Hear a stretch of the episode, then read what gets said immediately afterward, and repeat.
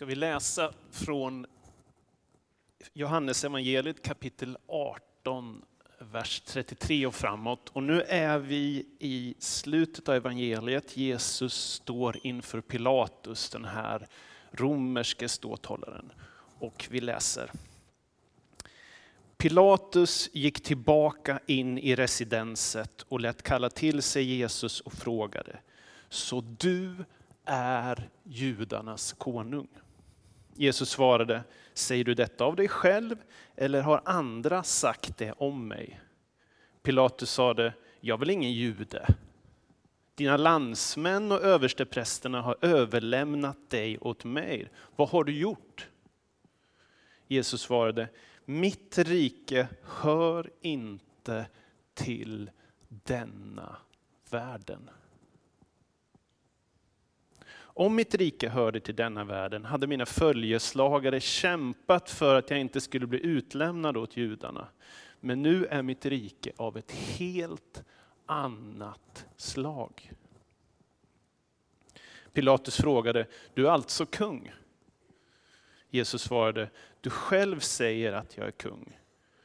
Jag har fötts och kommit hit till världen för denna enda sak, att vittna om sanningen. Den som hör till sanningen lyssnar till min röst. Pilatus sade då till honom, vad är sanningen? Ja, någon har väl inte missat här nu att vi firar advent och sjunger de här fantastiska sångerna. Gå Sion, din konung, att möta. Det nästan, om du är som mig så ryser det nästan i kroppen när man sjunger de här sångerna. Hosianna, Gud kom och befria oss. Och ordet advent vet ni kanske om att det betyder ankomst. Guds ankomst hit till jorden i en människa, Jesus Kristus. Jesu ankomst in i våra liv och också Jesu ankomst när han som världens kung och Herre en gång i framtiden ska fullborda sitt verk och skapa nya himlar och en ny jord där rättfärdigheten bor. Advent, ankomst. Men sen så är det ju en hel del saker som vi ser runt omkring oss i världen. Krig och terror, inte minst nu under de här tiderna. Och när vi ser det här, då vet jag inte om du är som jag, men då tänker jag Jesus, du som är vår kung, grip in. Ankomst, kom Herre, advent. Och när vi ser synd och sjukdom i våra egna liv och kanske i de runt omkring oss som står oss nära, så längtar vi efter att Jesus, jordens Herre, ska gripa in i våra liv och ställa till rätta allt som går sönder. Advent, ankomst, kom Herre. Men frågan är bara, och det här är den frågan som jag ska upprätthålla mig kring i den här predikan. Vad är det för sorts kung som vi firar nu i advent? Vad är det för sorts makt som vi längtar efter? Längtar vi efter Jesus och hans märkliga fredsrike? Eller hoppas vi på en Pilatus-lik makt? Någon person som kan komma och flexa med de starka musklerna. Låt oss börja med den här Pilatus-makten, den här Pilatus-typ av makten, om vi ska byta slide där. Som jag sa så är det så att Jesus står inför rätta. Han har förts fram till den, Pilatus, den här romerske ståthållaren som hade den yttersta makten, eller åtminstone den juridiska makten i provinsen i Palestina på den här tiden. Den romerska provinsen som hette Palestina. Och Jesus han säger i den här texten att hans rike hör inte till denna världen och att det här riket är av ett helt annat slag. En Pilatus rike, alltså än romarriket. Och på det här sättet så antyds det i texten att Pilatus representerar det Johannes evangeliet kallar för världen. Observera nu så att det inte blir några missförstånd här. Världen syftar på det här som är trasigt i vår tillvaro, det som är ett fallet, vi kanske kan kalla det något slags fallet system som står i uppror mot Gud och inte på den goda skapelsen. Om du har läst Johannes evangeliet så kanske du har läst någon gång att det står att man ska hata världen. Det låter ju jättekonstigt. Och då ska man inte hata sin kropp, man ska inte hata träden och man ska inte hata det fina som finns i den här skapelsen. Utan vad man ska göra är hata, det vill säga inte vara lojal mot det som drar människor bort ifrån Gud. Det är det som världen är. Och ingen av oss är väl Pilatus. Men han kan hjälpa oss att se hur världens makt fungerar. Alltså världen här i den här betydelsen, Guds frånvänt system. Och vad kännetecknar då världen? Ja, det första är lögn och fake news. I den fallna världen så säger man det som håller en vid makten. Det spelar ingen roll om det är sant eller inte, bara en, man håller fast vid sin maktposition. För Pilatus som vi har i den här texten så är det viktigt att det inte sker något uppror i hans provins. Så att han blir avsatt antingen då av upprorsmakarna eller av en besviken chef. Som i det här fallet då är kejsaren i Rom. Makt och position går före allt, inklusive sanningen.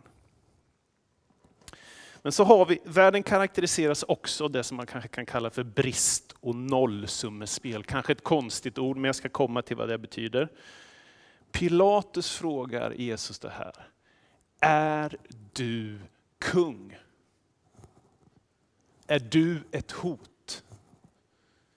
Försöker du stoppa det romerska styret och roffa åt dig min makt? Och här har vi något, ett, ett typiskt exempel på det här nollsummespelet. Och det betyder att man tänker sig då, man föreställer sig världen som att det finns ett begränsat antal enheter makt att konkurrera om. Så i Platus värld så betyder det om Jesus skulle öka sin makt, om han dyker nu upp och är någon sorts kung och skulle öka sin makt, då kommer det automatiskt betyda att Pilatus får mindre makt enligt denna logik utgångspunkten är brist. Det finns alltid en position att förlora. Det finns alltid makt att förlora. Och Pilatus han agerar ju på det här sättet. Rädd att förlora sin makt så tar han det säkra före det osäkra och avrättar Jesus, godkänner den här avrättande av Jesus, fast han inser att Jesus inte är något direkt hot mot honom. Det är enklast så. Det här kommer vara ett sätt för mig att bevara min makt. Han lirar maktspelet.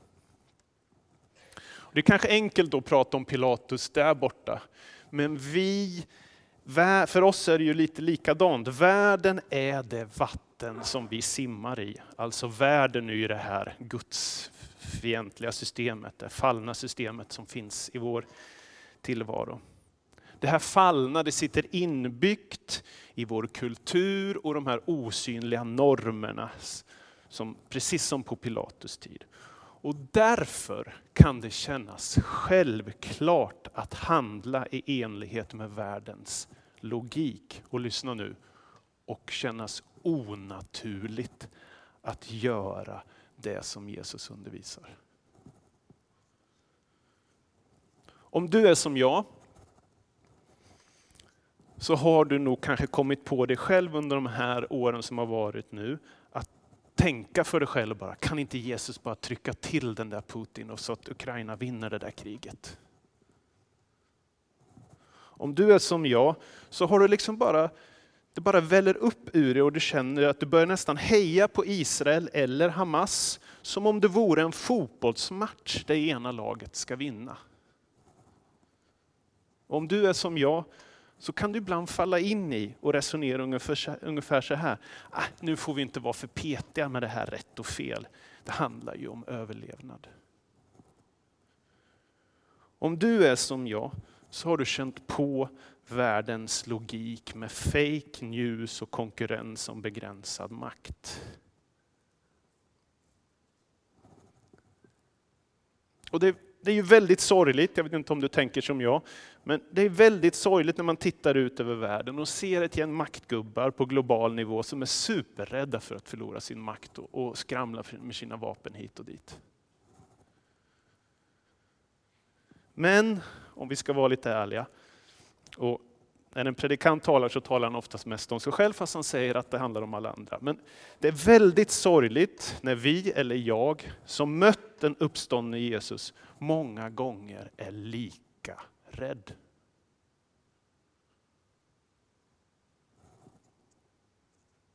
Ge oss NATO, ge oss amerikansk makt så att vi blir trygga och slipper vara rädda.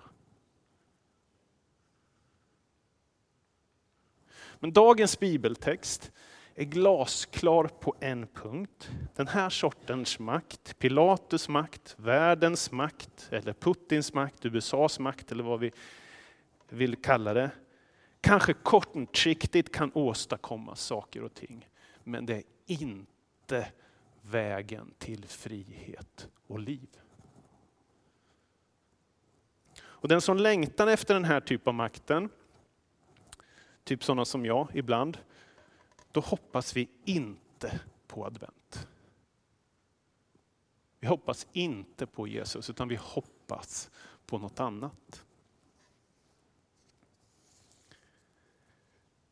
För Jesus och hans rike är inte av denna världen. Observera nu igen då, och nu får vi byta precis så bra. När vi talar om att Jesu rike är av den, av, inte av den här världen, så är, den, så är den liksom, det sannoliken något annorlunda än Pilatus rike. Men det är lika konkret, kroppsligt och politiskt som Pilatus rike, om vi med ordet politik inte menar partipolitik, utan hur man tillsammans formar livet tillsammans, till exempel i en församling eller tillsammans med andra. Jesu rike är inte något andligt, om vi med det ordet betyder något som är skilt ifrån vanligt mänskligt liv och hur vi lever tillsammans i relationer. Men låt oss nu komma till vad som karaktäriserar Jesu rike, då, det här märkliga fredsrike. Det är inte brist och nollsummespel utan överflöd. Jesus går inte in i Pilatus brist och nollsummespel och ställer den här frågan, är det du eller jag som har makten? Är det du eller jag som är kung? Jesus är inte en starkare version av Pilatus, så att han använder samma typ av makt. Hans makt är av ett helt, helt annat slag. Och han säger ju så här i, i vers 36. Om mitt rike hör till denna världen hade mina följeslagare kämpat för att jag inte skulle bli utlämnad åt judarna. Vad är det han säger? Jo, om hans efterföljare tar till våld för att försvara honom, gestaltar de inte hans fredsrike utan går bara in i den fallna världens sorgliga maktspel där brist leder till våldsam konkurrens. De agerar som att Jesu rike är något slags ter territorium, ungefär som Pilatus romerska provins, som måste försvaras till varje pris med våld om det behövs. Hur kan då Jesus säga något sånt här? Jo, han förutsätter att i hans rike så finns det liv i överflöd. Evigt liv. Och därför och lyssna nu. Ger Jesus sitt liv istället för att ta andras liv. Han behöver inte försvara någon maktposition genom att ta till våld, utan han dör för andra för att de ska få liv. Vi har inget att förlora. Inte ens våra liv. Eftersom Gud uppväcker de döda. Vi har inget att förlora. Utifrån det så är vi fria från att krampaktigt kämpa för vår makt och position och existens till att älska fienden och ge vårt liv för henne om det skulle behövas, precis som Jesus gjorde. Man kan invända att det här kan inte vara realistiskt. Nej, det är det inte i världens logik. Men i ljuset av uppståndelsen är det det. Den andra saken som karaktäriserar Jesu rike är sanning.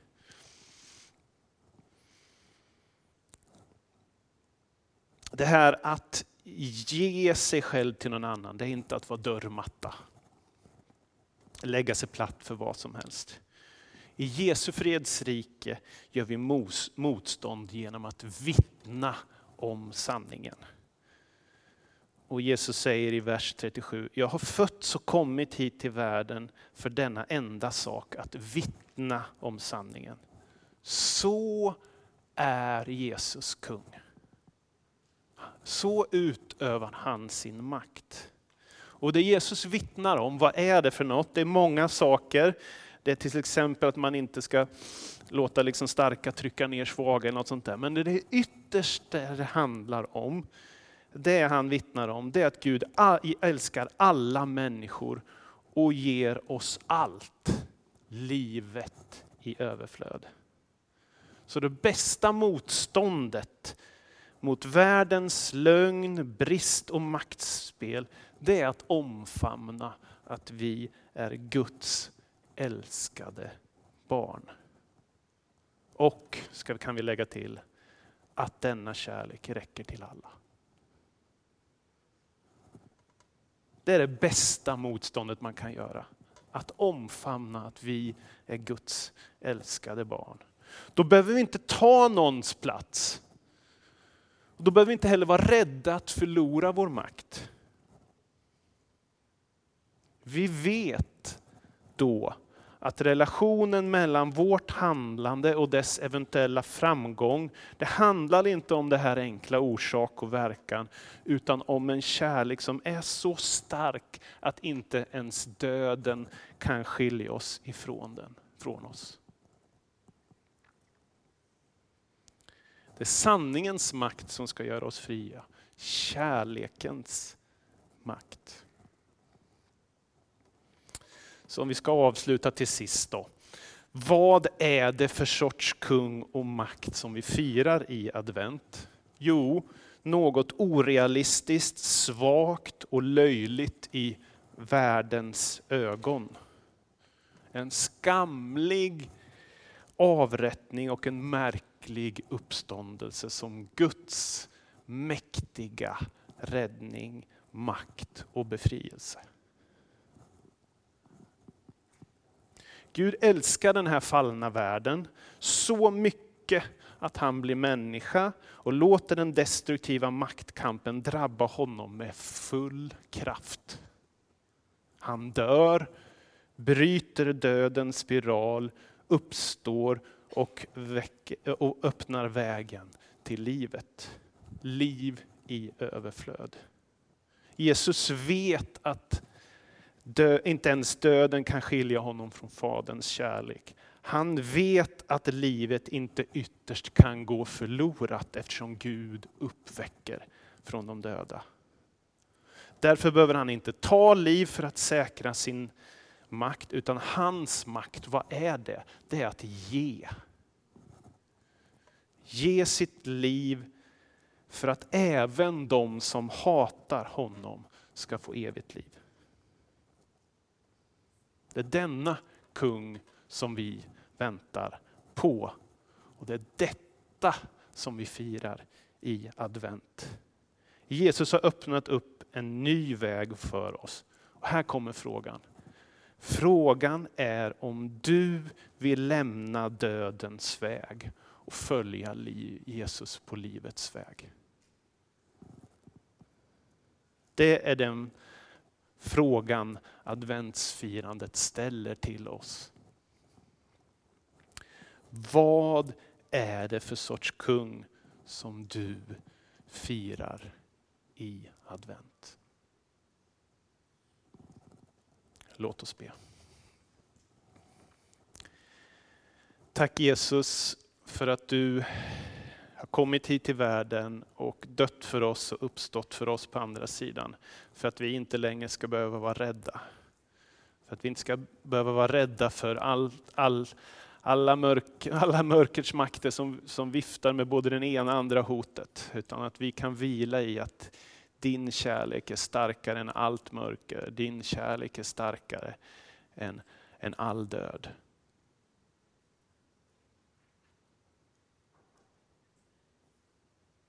Och ber, vi ber att det ska få vara ett tema genom advent, att vi får återupptäcka detta och förankra oss ytterligare i det.